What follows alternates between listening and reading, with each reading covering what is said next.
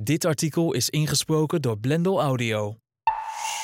Het haakje stak tot in het oog. Mijn dobbel was al een hele tijd niet onder water verdwenen. Verveeld haalde ik de haak maar eens op. Bleek er een vis aan te zitten. De haak was niet vast komen te zitten in de lip van het voerentje, zoals gebeurt wanneer je snel aanslaat zodra de dobber ondergaat. De haak zat dieper in de bek en dwars door de wang kwam de scherpe punt tot in het oog. Het was een beetje een bloederige bende in de bek van het dier. Het voerentje keek nogal beteuterd, voor zover een vis beteuterd kan kijken. Ik liep er maar mee naar mijn vader. Zelf kreeg ik de haak er niet uitgepeuterd. Het is een leuke hobby vissen. Vinden vissen het ook leuk? En hoe diervriendelijk is het om de dieren met netten uit de zee te trekken om de visboer te bevoorraden? Is kweken een beter plan? Mijn moeder vond het maar niets, dat vissen. Zielig voor de wormen die aan de haak geregen worden en voor de vissen. Zal ik bij jou eens een haak door je lip halen? Opperde ze als ik weer eens mijn spulletjes op een fiets laadde. Maar de mannen langs de kant wisten wel beter. Vissen voelen geen pijn. Hoe weten ze dat? De redenering is vaak: ik weet niet of een vis pijn kan ervaren, dus zal het wel niet, zegt Bernice Bovenkerk. Als dierethicus aan Wageningen University deed ze onderzoek naar onze omgang met vissen. Het is een copingstrategie, legt ze uit. Copingstrategieën zijn heel handig. Als je graag wilt vissen, maar je weet niet of je de vis daarmee pijn doet, denk je, het zal wel niet en kun je lekker hengelen. Bij vissen gaat dat gemakkelijk. We voelen weinig voor ze. Bovenkerk zegt: We hebben wel sympathie voor dieren, maar dat reikt niet zo ver. Dieren die veel op ons lijken, kunnen soms medeleven verwachten. Vissen lijken totaal niet op mensen. Voor zover wij het zien, hebben ze geen gezichtsuitdrukking. Ze zijn glibberig, ze zijn niet aaibaar, zegt Bovenkerk. Ze leven onder water, die wereld kennen we niet zo goed. Voor een enorme school vissen is het al helemaal moeilijk om iets van mededogen te voelen als ze in een groot net boven water worden gehaald. Vis rekenen we in tonnen, niet als individuen. Dat is ook tekenend. En als je andere dieren pijn doet, komt er geluid uit. Bij een vis hoor je niets, zegt Bovenkerk. Ik vind het heerlijk langs de kant bij een riviertje, maar ik hoef niet meer zo nodig te vissen, zegt Gert Flik, hoogleraar dierfysiologie aan de Radboud Universiteit. Hij bestudeert al meer dan 40 jaar vissen. Flik kijkt onder andere naar stress. Hormonen als cortisol en adrenaline spelen een rol. Exact dezelfde hormonen die jij ook aanmaakt bij stress, vertelt Flik. En dat is niet zo vreemd. Ons stresssysteem is miljoenen jaren geleden ontstaan in vissen en bleef bestaan toen de dieren het land opgingen, legt Flik uit. Hebben vissen stress als aan een haakje hangen of in een net gevangen worden? Zonder enige twijfel. En voelen ze ook pijn? Natuurlijk kan een vis schadelijke prikkels waarnemen, zegt Flik. Als je lichaam geen foutmelding geeft als je iets onverstandigs doet, zul je niet lang leven. In de huid van een vis die over de schubben heen zit, ligt, net als bij mensen, een fijnmazig netwerk van receptoren. Die gaan vuren als het dier een beschadiging oploopt. De zenuwen zijn verbonden met het voorste deel van de hersenen van de vis. Daar vindt prikkelverwerking plaats. Veel vissen zijn rond de mond en bij de ogen het meest gevoelig. Een haakje door je lip is dan niet prettig.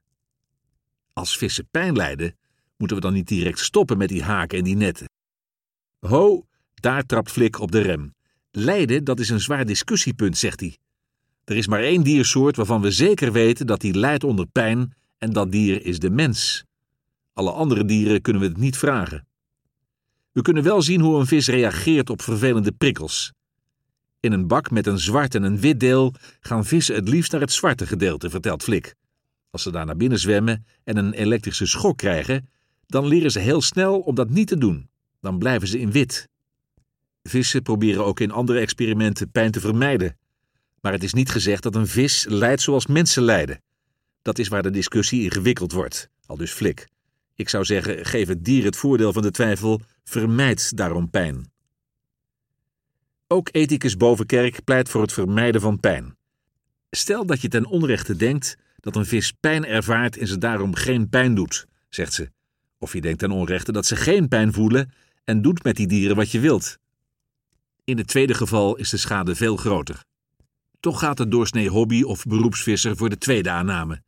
Vissen belanden met duizenden kilo's tegelijk in een net.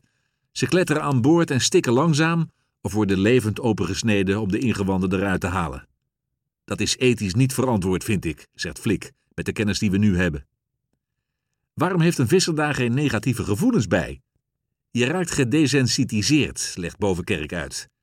Bij mensen die in een slachthuis gaan werken, zie je dat ze het in het begin naar vinden. Maar later werk je op de automatische piloot en vergeet je dat je bezig bent met een dier dat wellicht iets kan voelen, weet Bovenkerk.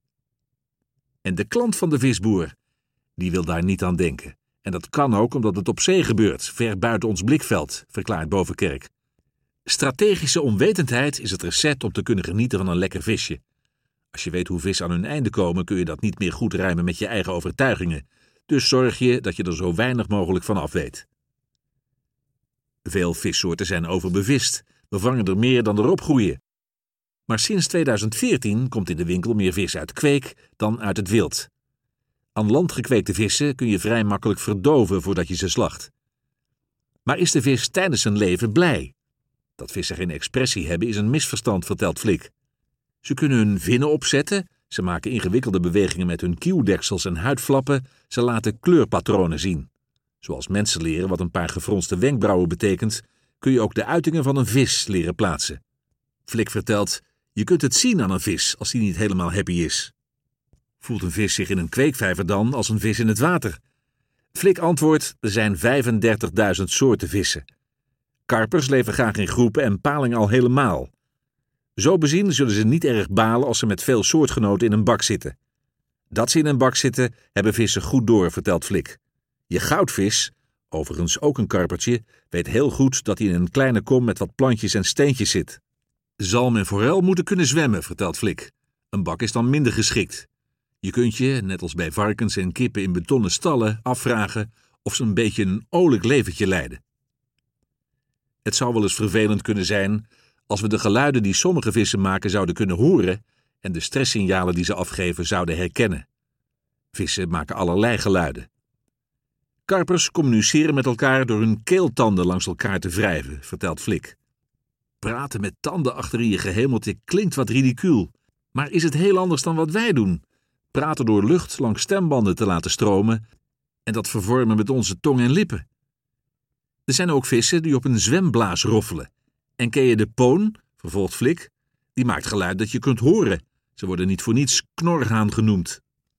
Hoe het met het voorntje aan mijn haak afliep? Mijn vader wist het dier los te prutsen, met behoud van het oog, voor zover dat nog vast zat. Terug in het water liet het dier zich eerst op zijn zij drijven, om vervolgens toch met een paar halfslachtige zwembewegingen in het donkere water te verdwijnen. Mijn hengel is al twintig jaar werkloos. Er zijn zoveel andere hobby's. Als je weet dat het wel eens pijnlijk zou kunnen zijn voor het dier, waarom zou je het dan doen? vraagt Flik. Voor de lol? Tot zover dit artikel. Wil je meer ingesproken kranten en tijdschriften beluisteren? Download dan de Blendel-app. Onbeperkt tijdschriften lezen, een nieuwsoverzicht op basis van je leesvoorkeuren en drie keer per dag luisteren naar ingesproken verhalen.